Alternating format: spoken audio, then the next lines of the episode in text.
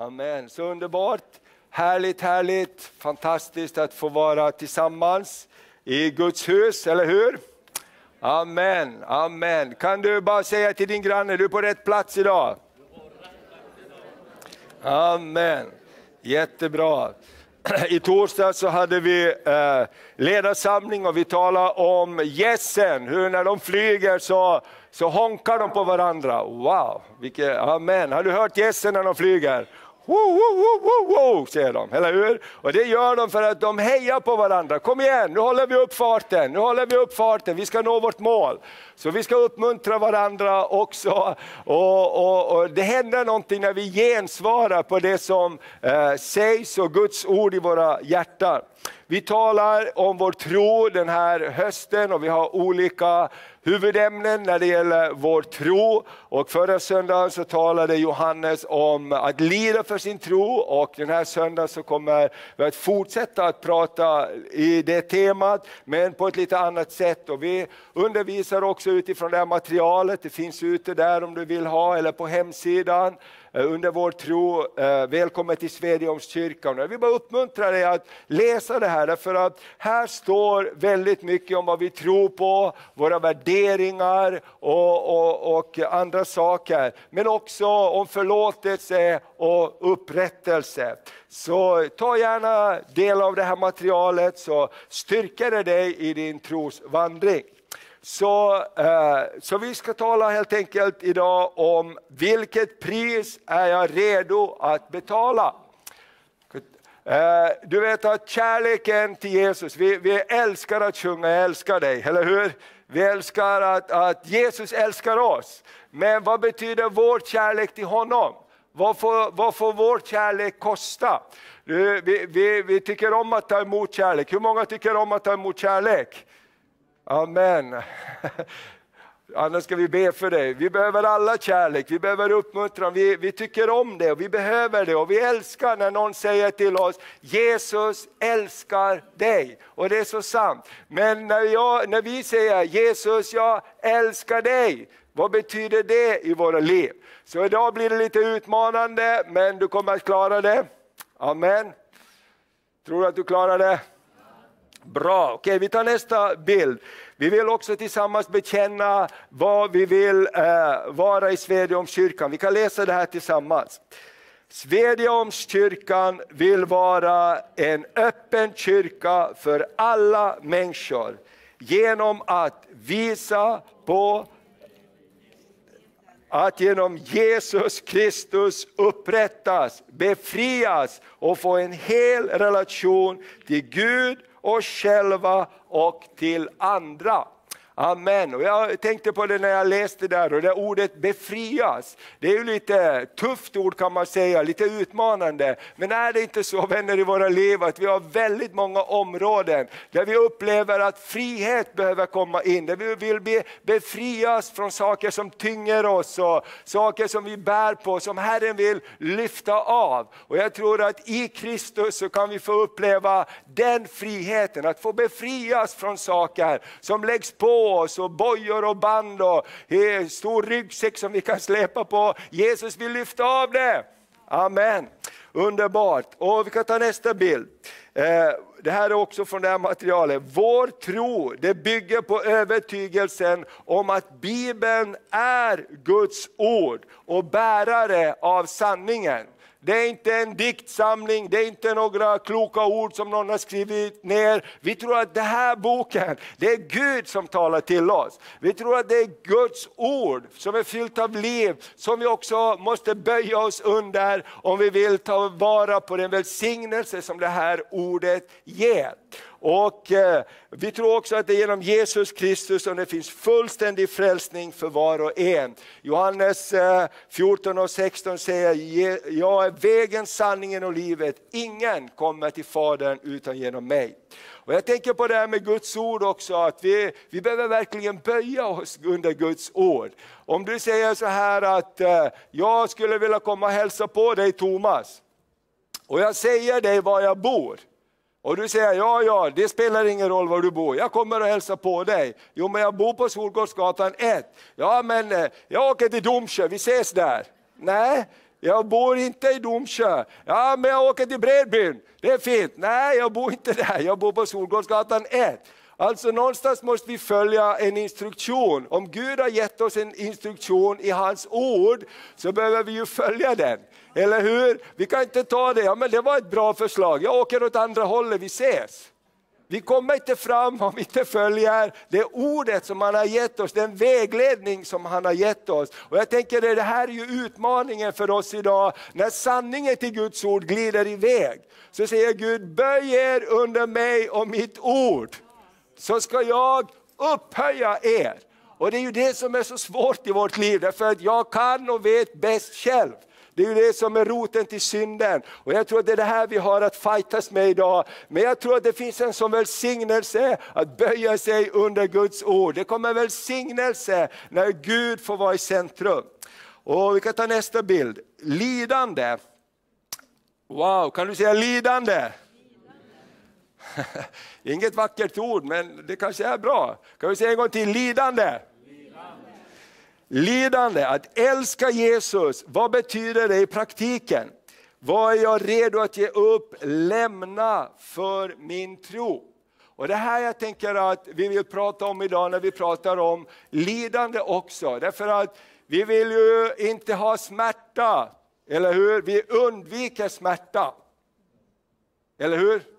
Man, man undviker smärta. Men vi har lärt oss sen små att, det, att, att, att ett sår som svider, det renar också. När du skadade dig och fick eh, skrapsår på knäna när du cyklade och föll, så kom mamma med någon grej i, i såren som sved. Eller hur? Och hon sa, det måste svida lite om det ska rena. Amen. Därför tänker jag så här också, att följa Jesus, att älska Jesus, det är också förknippat med att vi måste ge upp någonting för att följa honom. Amen. Jag måste ge upp någonting om jag vill ha Maria som min fru.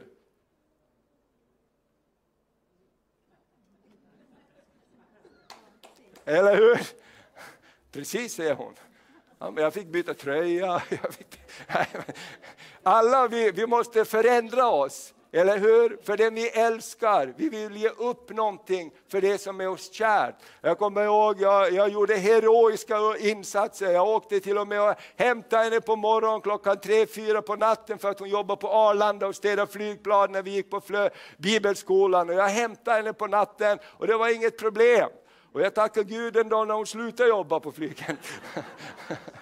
Men, men du förstår, det är inget problem, därför kärleken driver en till uppoffringar för någon man älskar. Och det är det jag tänker också, att vi måste ha ett perspektiv när vi följer Jesus. Jag kan inte bara få, Jesus älskar mig, älskar mig, älskar mig. Utan jag vill ge dig någonting. Och det här om du pratar med Jims mamma så kan du få höra hur Gud kallar dem till Kenya. Helt otrolig historia. Hon och hennes man, hennes man de hade byggt ett nytt hus, han körde skogsmark skogsmaskin och Gud började prata med honom i skogsmaskinen. Först var han inte ens frälst men Gud frälste honom och Gud började tala till dem.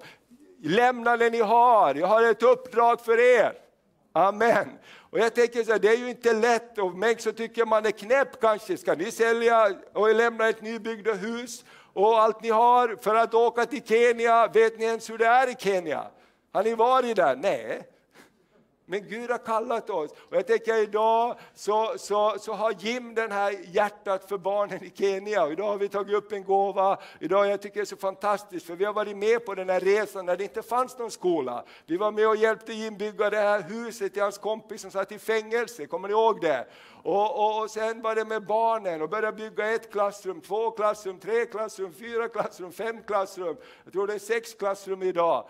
Byberg Nordin här nere, bussfirman var med och bekostade också så att de kunde få vatten, en vattenanläggning så barnen och hela byn egentligen får vatten. Men var kommer det ifrån? Välsignelse av att jag lydde och betalade ett pris. Amen. Alltså det kommer generation efter generation. Och ska vi gå till första bibelstället som vi hittar i Markus 8 och 34 till 35. Uh, eh, och uh, det är två, eh, jag tänker att vi läser det här tillsammans. Du ser texten där eller så har du den i din telefon eller bibel, ha gärna en bibel. Det är jättebra med biblar. Och vi läser tillsammans. Och han kallade till sig folket och sina lärjungar och sade till dem. Vi måste börja om, jag känner att det var inte många som var med här. Vi läser tillsammans, det är bra att läsa Guds ord. Är ni med? Okej. Okay. Och han kallade till sig folket och sina lärjungar och sade till dem, om någon vill följa mig skall han förneka sig själv och ta sitt kors och följa mig.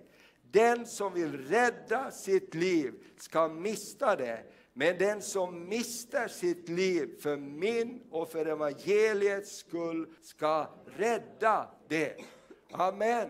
Jesus sa, ta ditt kors. Och idag så kommer jag att eh, utmana oss alla. Vad är det kors som vi ska bära i våra liv? Du vet att Jesus han uppgav härligheten att vara Guds son, att vara från himlen. Det står att han uppgav sina rättigheter för att bära sitt kors för dig och mig. Och det står att döden kunde inte behålla honom, utan Gud reste honom ifrån de döda. Och jag tror att det är välsignelsen också av att bära sitt kors ibland. Ibland så måste man ta smälek, måste, måste vi våga vara annorlunda för korsets skull. Eller hur? Vi måste våga vara annorlunda ibland för korsets skull, för vi har andra värderingar än som den här världen står för i många olika saker. Men jag tänker så här, kom ihåg att pendeln alltid svänger. Och det, det är otroligt med, med vad som har hänt i Sverige.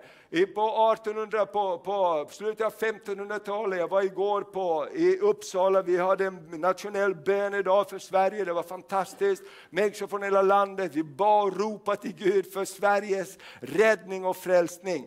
Men man berättar i slutet av 1500-talet så gjorde man i Uppsala en proklamation i att Sverige ska vara en kristen nation och bygga på Guds ord. Det var det man proklamerade tillsammans, det är det som ska vara grunden för vår nation.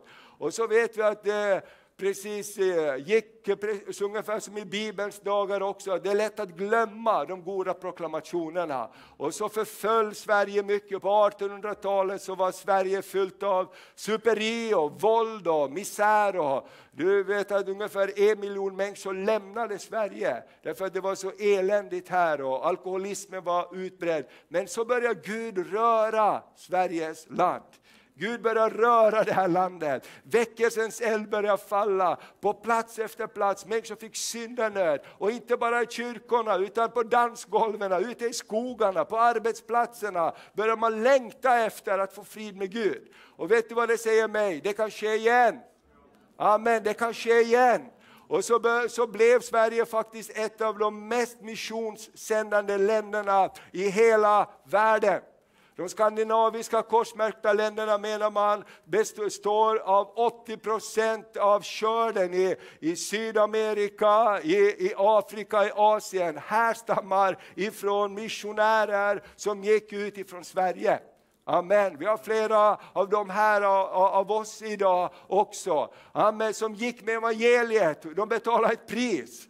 Och jag kommer ihåg Carl Gustaf Severin berättade när han var och från Södermalmskyrkan, från historien där när väckelsens eld brann så mycket och man sände sina unga män och kvinnor ut i missionsfältet. Och, och de hade begravning och, och mamma stod och grät och hon sa, vad jag gråter mest över det är att jag inte har några flera barn jag kan sända med evangeliet till de onådda folkgrupperna. Vilken, vilken, vilken, vilken perspektiv i livet. Du vet, man byggde eh, Pingstkyrkan, Philadelphia i Stockholm, var Europas största kyrkobyggnad under 30-talskrisen så byggdes det. Och man har sagt efteråt när man har börjat renovera lägenheter kring Rörstrand i Stockholm, så var det gropar på golvet i rummen. Vad var det för någonting? Jo, de ropade och bad till Gud. De ropade och bad till Gud, Gud hjälp oss, rädda oss, fräls det här landet. Ge oss kallelsen att gå dit ingen annan har gått. Amen. Amen. Vad var det för människor? Jo, det var de som förut, några generationer tidigare, inte brydde sig ett smack om Gud. Amen. Sen, sen, så, sen så gick det från att vara det här till att vara det, Sverige började bli liberalt och man började kalla den svenska synden med orenhet, sexuell lössläppthet och så vidare. Till att Sverige kallades idag, kallas idag det mest sekulariserade landet i Sverige, i, i världen. Men vet du vad, det säger mig en sak, det är dags för Gud att show up igen. Amen, det är dags för Gud att komma tillbaks på scenen igen. Och vet du vad, hur Gud kommer? Gud kommer att börja röra våra liv. Gud kommer att börja fråga dig och mig, vad betyder det för dig att du älskar mig? Vad betyder min kärlek för dig? Är det att du blir välsignad, att du känner dig bra? Eller är det någonting mera? Är du beredd att ge någonting för mig? Och jag tänker det att vi ska läsa nästa bibelvers för att ge till Jesus, det kommer alltid tillbaks. Det kommer alltid tillbaks. Amen. Han är inte ute för att klä av dig, han är ute för att välsigna dig, men han vill ha hela oss. Ska vi läsa nästa bibelvers? Det är två bilder på det. Markus 10, för lärjungarna de hade tagit eh, till sig Jesu budskap och eh, det här är Markus 10, det är några kapitel senare efter det Jesus hade undervisat om att ta på sitt kors. Och I Markus 10 och vers 28 30 ska vi läsa. Är du med mig så läser vi tillsammans. Går det bra? Okej. Okay. Petrus sade till honom, vi har lämnat allt och följt dig. Jesus sade, jag säger er sanningen, Ingen lämnar hus eller bröder eller systrar eller mor eller far eller barn eller åkrar för min och för evangeliets skull utan att få hundrafalt igen. Nästa bild. Här i världen får de hus, bröder, systrar, mödrar, barn och åkrar mitt under förföljelse och sedan i den kommande världen evigt liv. Jag tycker det här är fantastiskt. Petrus frågar, vi har gett allt och följt dig. Vi har lämnat båten, vi har lämnat näten, vi har lämnat allt och följt dig. Vad får vi för att följa dig? Och det är det här som fienden lurar, Guds folk lurar oss och säger, det du ger upp för Jesus, det tappar du, det missar du. Men Jesus säger, det du ger upp för mig, det kommer du att få tillbaks men på ett annat, annat sätt.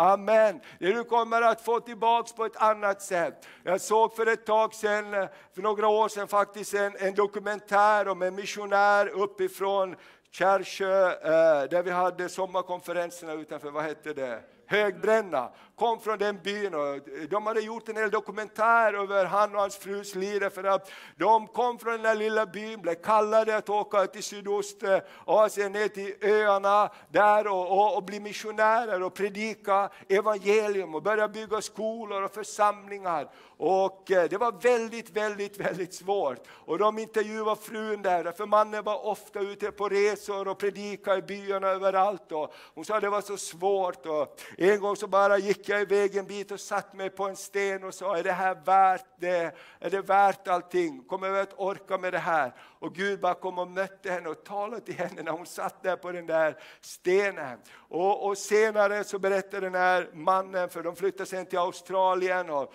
så, så samtalade han med en man som hade lyckats väldigt bra i livet. Han hade tjänat väldigt mycket pengar och, och de satt och samtalade. Och han sa, men jag känner inte att mitt liv liv har någon mening, sa han. Och då sa den här andra mannen, jag kan inte säga som du att jag tjänar massor av pengar, men jag kan säga att mitt liv har en mening. Och, och, sen så följde det här filmteamet med dem när de åkte tillbaks, nu, det kanske var 15-20 år sedan de hade varit på de här öarna. Och när de här gamla paret kommer tillbaks på de här öarna så blir de mottagna som kung och drottning. Därför att evangeliet hade förvandlat deras öar och deras byar och deras städer. Amen. Och jag tänker det, det vi ger upp för Herren, det kommer alltid tillbaks. Kan vi få ett amen? Amen. Det vi ger upp för Herren, det vi ger upp för Herren. Om det så känns som att det är en uppoffring, om att det är som ett kors, så säger Jesus, den som ger upp någonting för mig, han ska få tillbaks. Jag tror att det kommer dagar igen och tider när vi är redo att ge upp saker. Amen. Vet du vad, att betjäna människor som kommer hit till den här byggnaden på vardagskvällarna, det är också att ge upp någonting. Amen. Ibland är det så, vi kan be om väckelse, vi kan längta om en massa saker, men jag är inte redo att ta ett extra steg. Jag känner att det är tyst här. Amen. För allting går tillbaka till en praktisk sak. Det var, det var som en, en gammal predikant sa så här, det finns de som vill förändra hela världen, men de kan inte vända på tallriken för en dag. Alltså, man kan ha jättestora drömmar och visioner men man är inte beredd att, liksom att, att kanske ta en bön och fastedag eller ge upp någonting för det. Och jag tror Herren utmanar oss. Han lägger inte bördor på oss utan han utmanar oss att följa honom på olika sätt. Och välsignelse kommer alltid tillbaks när vi följer Herren. Amen. Amen. Och jag vet att det här är lite utmanande men det är meningen. Amen. Jag ber inte om ursäkt för det, för att eh, jag tror att Gud vill utmana oss.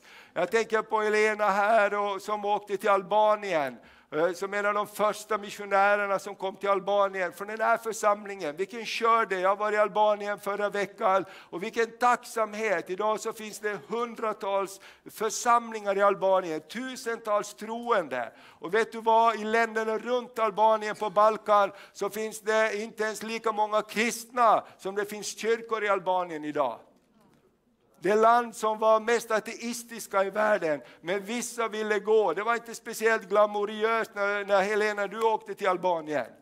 Idag är det fint när man landar på flygfältet så är det som vilken flygplats som helst. Jag kommer ihåg första gången vi åkte med Nicolin i slutet av 90-talet när man landade i Tirana så kom man till en cementbunker. Det var flygplatsen liksom. Och på väggen så fanns det tavlor av wanted people.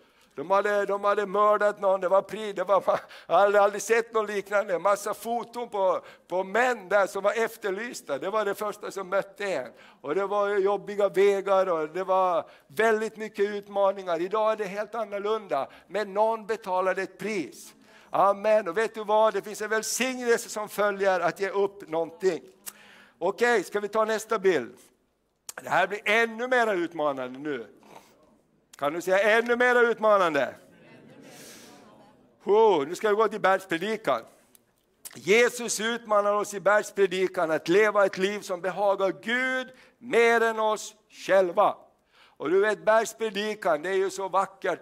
Folk som inte vet så mycket om tro eller Jesus, de har i alla fall hört bergspredikan, saligprisningarna, saligare och saligare. Men vad är det Jesus egentligen säger här? Ska vi gå till Matteus 5 och 7 så ska vi bara läsa rubrikerna. Jag vill bara uppmuntra dig att läsa det här när du kommer, kommer hem. Så kan du läsa eh, det här. För att när Jesus säger saliga eller lyckligare, då är det ju inte riktigt som vi tänker. Saliga alla som har vunnit på Lotto. Nej, Saliga är de som aldrig har något problem. Nej. Ska vi läsa tillsammans? Vi kan läsa på vers 1. Ska vi läsa saligprisningarna eh, till, till vers 12. Amen. Ska vi läsa, kan vi läsa tillsammans igen? Jag tycker det är mycket roligare när jag ska stå och läsa här. Nu läser vi då. När Jesus såg folkskarorna gick han upp på berget. Han satte sig ner och hans lärjungar kom fram till honom. Då börjar han tala och undervisa dem. Saliga är de som är fattiga i anden, dem tillhör himmelriket. Saliga är de som sörjer, de ska bli tröstade. Saliga är de ödmjuka, de ska ärva jorden. Saliga är de som hungrar och törstar efter rättfärdighet, de ska bli mättade. Saliga är de barmhärtiga, de ska få barmhärtighet. Saliga är de renhjärtade, de ska se Gud. Saliga är de som skapar frid, de ska kallas Guds barn. Saliga är de som blir förföljda för rättfärdighetens skull, dem tillhör himmelriket. Saliga är ni när människor hånar, förföljer er, ljuger och säger allt ont om er för min skull. Gläd er och jubla, för er lön är stor i himlen. På samma sätt förföljer man profeterna före er. Saliga är ni när människor ljuger och hånar och förföljer er för mitt namns skull. Det är ett annat perspektiv på det hela. Är inte det vi försöker fly undan? Vi försöker vara så tillmötesgående och vänliga och fina på allt sätt som kyrka, så att vi har tappat det där som är utmaningen. Och vet du vad, ja, ja, det finns unga människor idag som, som hellre blir radikala muslimer från kristendomen, därför att de söker någonting radikalt. De söker någonting, vad betyder det här att Jesus älskar mig? Ja, det är jättefantastiskt, men vad betyder det för mig? Vad ska jag göra för honom? Vad ska jag göra för honom? Amen. Och, och, om vi bara tittar på rubrikerna i, i, i, i bergspredikan, bara, bara att läsa rubrikerna utmanar oss. Kan vi titta på det? Vi kan ta nästa bild här. Först har vi alltså saligprisningarna. Sen nästa rubrik, om du har din bibel uppe, så är det att vara salt och ljus i den här världen. Var ljus, inte kan en stad döljas som ligger på ett berg. Låt er ljus lysa för människorna så att de ser era goda gärningar och prisar er far i himlen. Vi ska vara salt och ljus. Salt det kan svida, men salt det håller en fräsch också. Eller hur? Amen. Vet du vad salt gör? Det gör att du får aptit. Hur många brukar salta på maten lite extra ibland? Ja, gör inte det. Jag har gått till hjärtläkaren så jag får inte salta på maten. Men saltet gör ju att man blir lite, det blir lite godare och man blir törstig och så vidare. Vi behöver salt, eller hur? Amen. Det nästa som Jesus säger här, Jesus och lagen, för de tänkte Jesus du är bara god, du förlåter. Men Jesus säger så här, jag har inte kommit för att upphäva lagen. Jag har, kommit, eh, jag har inte kommit för att upphäva utan för att fullborda lagen. Det betyder att gamla testamentet, tio Guds bud, det gäller fortfarande. Eller hur? Han kom för att fullborda, inte genom hat, inte genom hot, inte genom straff, men genom Guds kärlek. Följ mig av kärlek. Det står i första Samuelsboken att när eh, Israels folk tappade arken, filisterna tog arken och, och, och, och, och de, de, fick den tillbaks men den kunde inte komma in ibland dem därför de var inte rena. Det står i 20 år står det, så suckade Israels folk efter att få tillbaks Guds härlighet. Ibland har Gud tid att vänta ut oss. Amen, så vi blir hungriga. Saltet gör att vi blir törstiga. Amen. Den här världen tror jag väntar på också mera radikal kristen tro. Amen. Jag vill säga det igen? Den här världen väntar på mer radikal kristen tro. Amen. Alltså, allting är inte relativt. Det är den största lögn som har bara matats ut till oss alla. Allting är relativt. Synd, är det relativt? Helvete, är det relativt? Himlen, är det relativt? Är du man? Ja, det är relativt. Är du kvinna? Ja, det är relativt. Visst är det en lögn? Massa grejer, det är inte liksom relativt allting. Men vi bara har blivit inmatade med de sakerna så att ingenting egentligen betyder någonting. Du kan aldrig vara säker på någonting för det är relativt.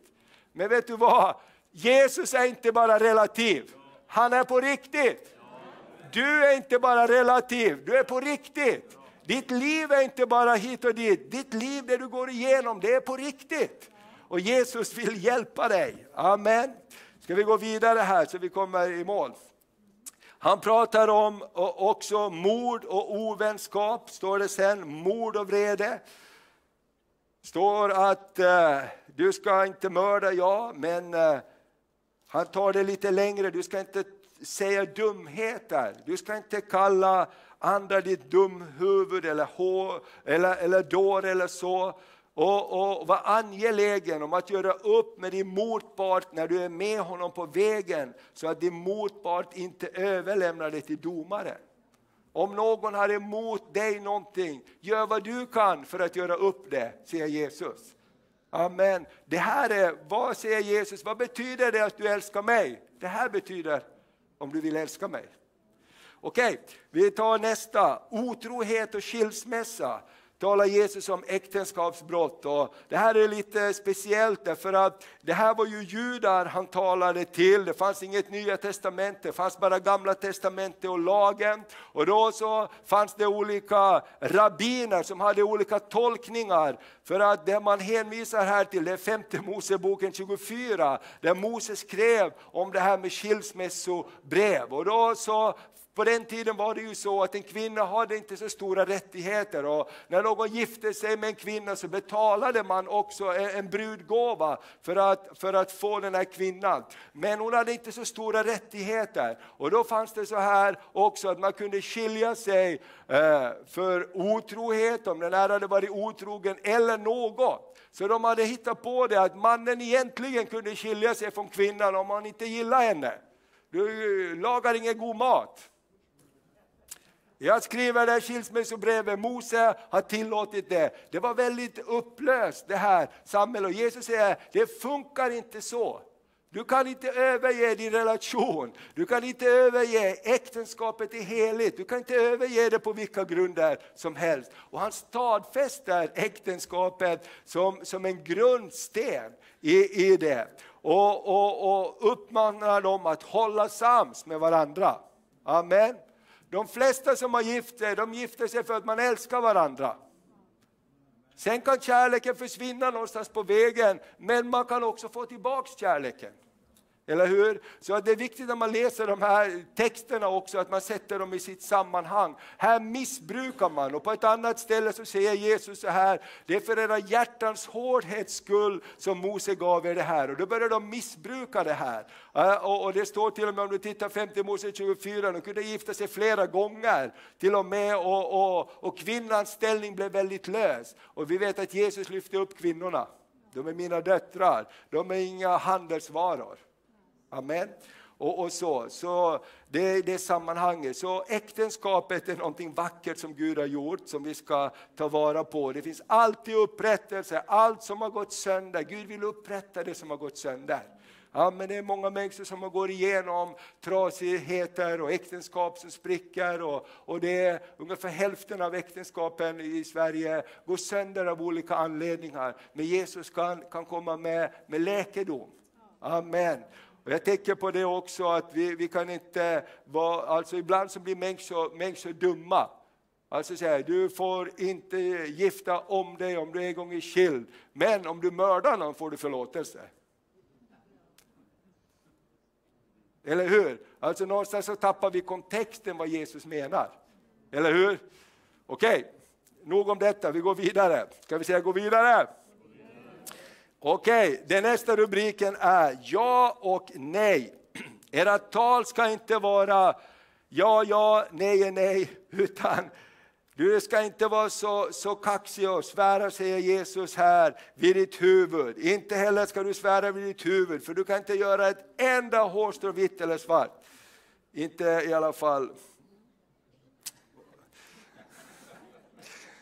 om man inte använder färg förstås. Okej, okay. ert tal ska vara ja, ja och nej, nej. Allt utöver det kommer från den onde. Vad Jesus säger så här, var klara, var tydliga. Amen, allt är inte relativt.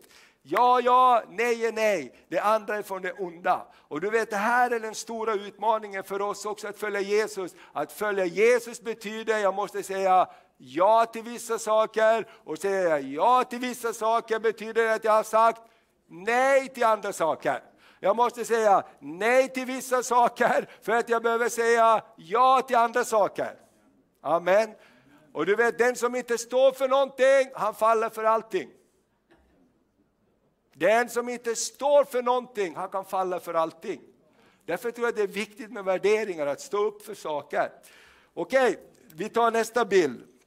För att eh, det här finns mycket här som Jesus utmanar med. Jag, jag, jag bara läste, har läst det här den här veckan och jag har blivit så utmanad av detta.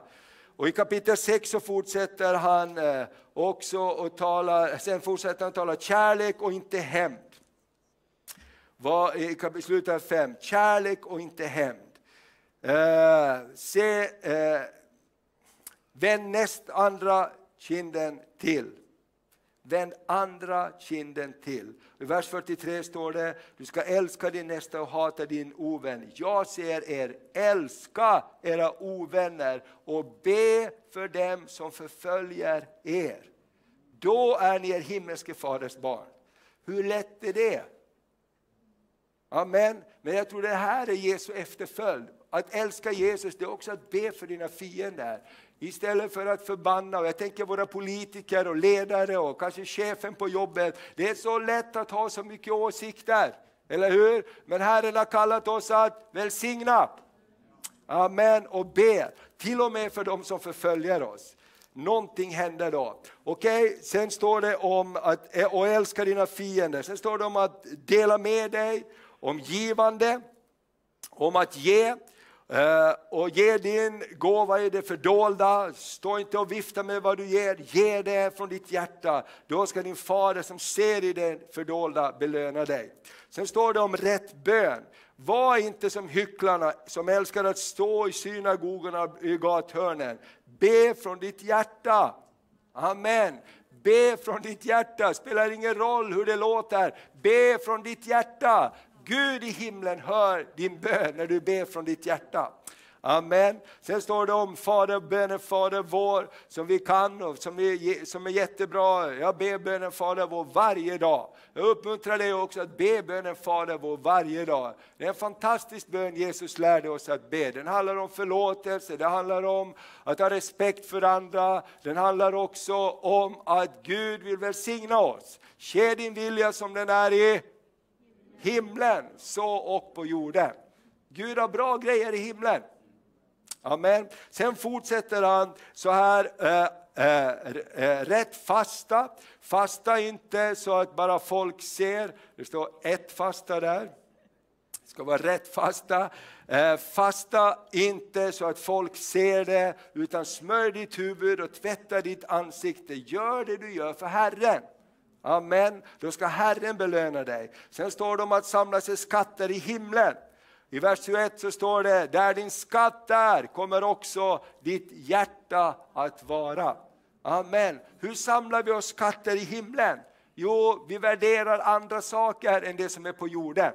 Halleluja! Och jag är så jättetacksam för att jag har fått lära mig någonting lite av det. Därför att när du ger upp någonting från Herren så välsignar Herren tillbaks. Och jag, tänker, jag tänkte på många gånger i vårt liv när vi har gett upp saker, och det är att, att välja att tjäna Gud, det är att ge upp andra möjligheter som man har. Men när vi tjänar Gud så kommer välsignelse tillbaka. Jag kommer aldrig att glömma den där reportern som skrev om när vårt hus brann och hur han var så chockad och han sa att om mitt hus skulle brinna så skulle hela mitt liv vara förstört.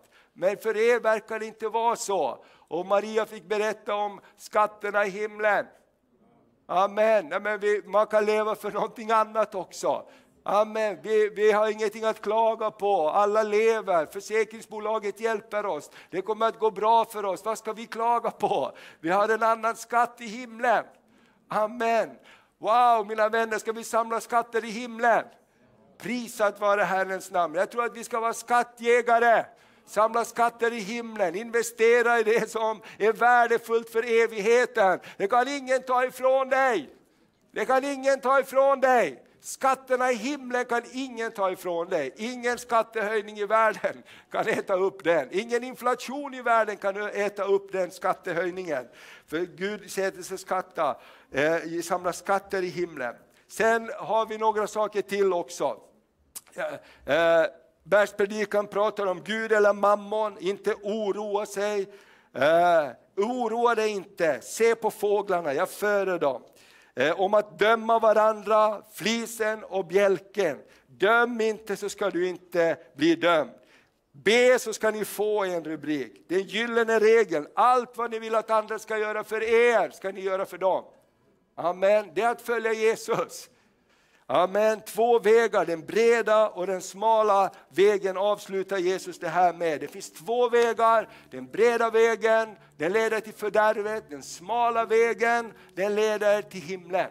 Och min vän, den smala vägen, där ryms inte så mycket mer. Och det är det jag tänker Jesu poäng är här när han talar om bergspredikan. Vill du till himmelriket så måste du klä av dig ditt eget och fångas av min kärlek. Och när du fångas av min kärlek så vill jag ge dig allt vad du behöver. Amen. Och så slutar Jesus med det här eh, till sist i, i liknelsen om två husbyggare. Den som bygger sitt hus på berget, han kommer att ha ett hus som står när stormen kommer. Den som bygger sitt hus på klippan. Amen. Ska vi bygga vårt hus på klippan? Amen. Du vet, det här är precis, precis som du läser det här när du kommer hem. Hur enkelt är det inte att gå den lättaste vägen? Jag gräver i sanden, det är lätt. Men Herren utmanar oss, borra i klippan. Borra på klippan Kristus så kommer ditt hus att stå fast. Och det sista bibelordet innan vi avslutar här, det hämtar vi från Joels bok. Amen, amen, amen. Jesus, jag bara tackar dig att du utmanar oss. Du utmanar oss att följa dig helhjärtat. Och det här ordet utmanar mig väldigt, väldigt mycket. Joel 2.13, det står så här, riv sönder era hjärtan, inte era kläder. Vänd om till Herren är Gud, för han är nådig och barmhärtig, sen till vrede och stor i nåd och han ångrar det onda. Riv sönder era hjärtan. Du vet det är så lätt att vi gör lite olika saker. Vad är en uppoffring om jag ger några hundringar till barnen i Kenya? Eller hur? Och det är jättefint att vi kan göra det. Men vad, vad är att, det är att riva sönder lite grann av våra kläder. Jag kan göra någonting och det känns ändå bra, jag har ju ändå gjort mer, än grannen. Men jag tror Herren säger, jag struntar i de där sakerna. Jag vill ha ditt hjärta. Jag vill ha ditt hjärta. Jag vill ha ditt hjärta. Vad är det som river sönder ditt hjärta? Vad är det som river sönder ditt hjärta? Vad är det som tar tag i ditt hjärta? Du, du, vet att det var som en bror sa här när vi hade eh, en kväll, han sa man kan bli upprörd över en skrapa i bilen. Om, någon, om din bil blir skrapad i lacken så kan vi bli upprörda. Eller hur? Vad är det som har hänt? Vem skrapar min bil? Men om hela vår bil kraschar, blir totalt förstörd, men de som sitter i bilen klarar sig, så säger vi, vad spelar det för roll med den bilen? Eller hur? Huvudsaken är att ingen skadade sig. Struntar i hur det gick med bilen, min familj är bra. Men den där skrapan, jag går i taket för den där skrapan längs hela sidan. Visst är det liksom Ibland tror jag det är lite grann där vi river sönder våra kläder, men Herren, Herren utmanar oss för någonting mer. Låt oss riva sönder våra hjärtan inför Herren. Vad betyder det att riva sönder sitt hjärta inför Herren? Vad är vårt hjärtas bön? Vad, vad är vårt hjärtas rop till Gud? Och jag tänker så här, jag tror att innan vi verkligen, verkligen förstår det här hjärtats ropet till Gud, så nöjer vi oss med så mycket mindre. Vi nöjer oss med så mycket mindre. Vi nöjer oss och jag behöver få mitt hjärta sönderrivet. Jag bara erkänner det på många områden. Man nöjer sig med för lite. Men att ens hjärta blir sönderrivet, det gör att någonting händer i ens liv. Att följa Jesus, det är någonting fantastiskt. Ska vi ställa oss upp och så ska vi bara ta en stund och prisa Jesus och gå inför tronen. Jag vill bara uppmuntra dig och utmana dig att att läsa, att läsa bergspredikan när du kommer hem idag. Det är tre kapitel, du kan lyssna på det, du kan läsa det och, och, och sätta det i sitt sammanhang. Men jag tror bara det här att Jesus kallar oss att följa honom. Jesus kallar oss att följa honom. Jesus kallar oss att följa honom. Och jag tror det är dags att vi tänker också, vad, vad är priset att betala för att följa Jesus? Jag tror bekvämlighet kanske är en av våra största, största synder. Bekvämlighet över att vi, vi, har det, vi har det så bra, så vi behöver inte så mycket. Det var som Carl Gustav sa eh, i Ukraina, idag så finns det inga ateister i Ukraina. Alla ber till Gud. Alla ber till Gud. Vad har du för val när allting rasar runt omkring dig? Vart går vi när det som inte blev så som vi tänkte? Vart går vi? Vad river vi sönder våra hjärtan för? Jag vill bara be, vi tar en stund bara inför Herrens ansikte. Jag bara tackar, du kan lägga din hand på ditt hjärta. Åh Fader, vi bara vi, vi bara ser Fader att vi, vi behöver få våra hjärtan sönderrivna. Det är så lätt Herre att följa dig, att vi river sönder våra kläder, vi gör några yttre handlingar för att visa att vi, vi, vi gör bra saker. Men Herre, du vill inte bara ha det, du vill ha våra hjärtan Herre. Den här stunden vill vi komma och ge våra hjärtan till dig Herre. Rör våra hjärtan Herre. Jag bara ber att du lägger en passion i våra hjärtan där ditt rike blir mer viktigt än någonting annat. Att följa dig, det, det får kosta ett pris Herre. Det får kosta bönenätter om det behöver. Det får kosta att gå en extra mil. Det får kosta att ödmjuka sig och be om förlåtelse. Det får kosta att, att, att ge sin tid och sin kraft för andra människor Herre. Fader, vi bara ber dig, tack att din lön ska bli stor. Du säger att ingen som för min skull ger upp någonting ska bli mist, gå miste om lönen. Jag bara tackar dig Fader, låt oss se det, låt oss se det. Låt oss se härligheten Herre, låt oss se körden Herre för våra ögon och vi är beredda att gå, vi är beredda att ge Herre. Jesus, vi bara ber dig om det. Bara rör våra hjärtan. Jag bara ber den här stunden, Herre. Under lovsången, Herre, kom och rör våra hjärtan, Herre. Kom och rör våra hjärtan, Herre. Kom och rör våra hjärtan, Herre. Åh, vi ska bara en stund under lovsången av överlåtelse. Om du vill komma fram här och böja dina knän så bara säga jag vill överlåta mig till Herren. Så bara gör det. Jag tror att många av oss behöver sätta oss i rörelse för någonting. Vi, vi bara är så bekväma. Jag tror att vi behöver sätta oss i rörelse. Så jag bara vill uppmuntra dig under lovsången. Kom fram och böj dina knän här framme och säger jag vill ge mitt hjärta Jesus till dig. Jag vet inte hur det ska gå till men jag vill ge mitt hjärta till dig. Jag vill överlåta mig till dig än en gång. Herre vi bara prisar dig, vi bara prisar dig, vi prisar Gud under tiden. Åh, vi bara ber Herre, vi ber Herre, Shikorolomori eller Mamma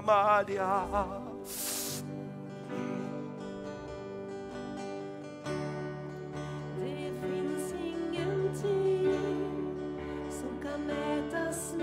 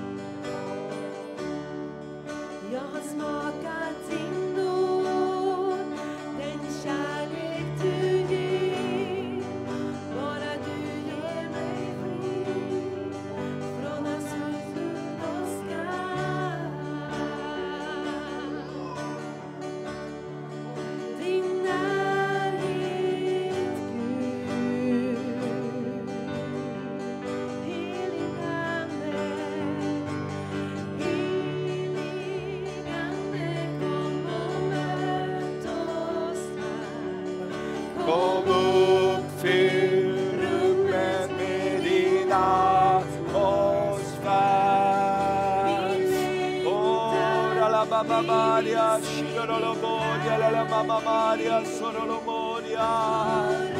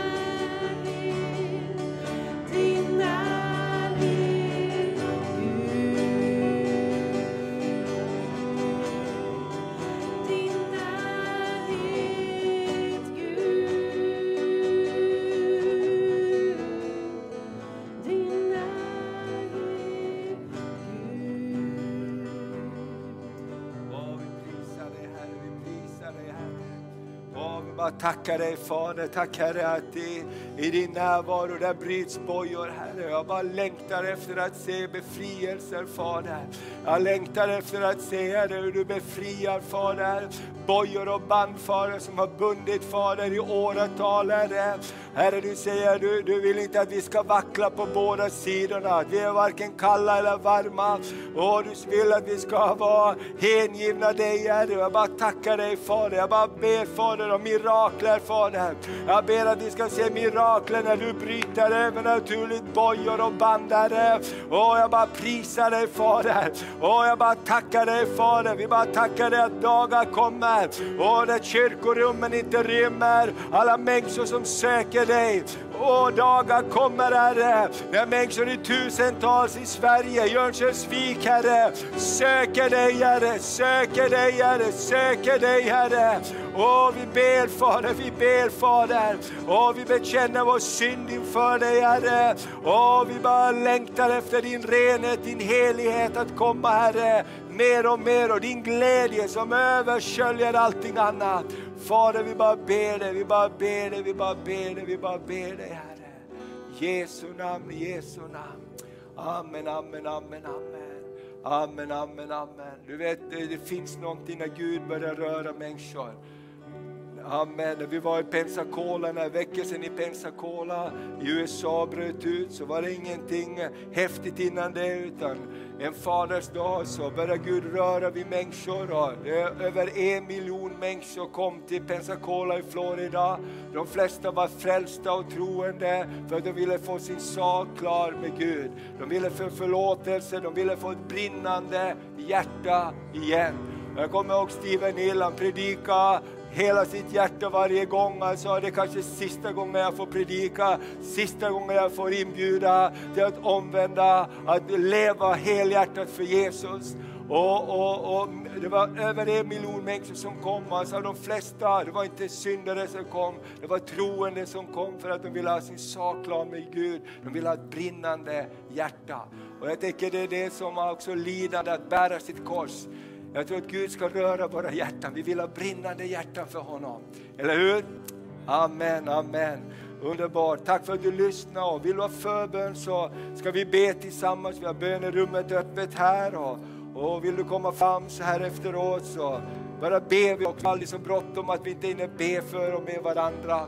Men ta med det här budskapet i ditt hjärta och säg Gud, sätt mitt hjärta i brand. Låt mitt hjärta brista Herre för dig. Jag vet inte hur det ska gå till men jag bara längtar efter mer av dig. Jag bara längtar efter dig Jesus. Jag bara längtar efter din närvaro, din härlighet. Jag längtar att få göra skillnad. Och Gud ser den längtan. Amen, amen, amen.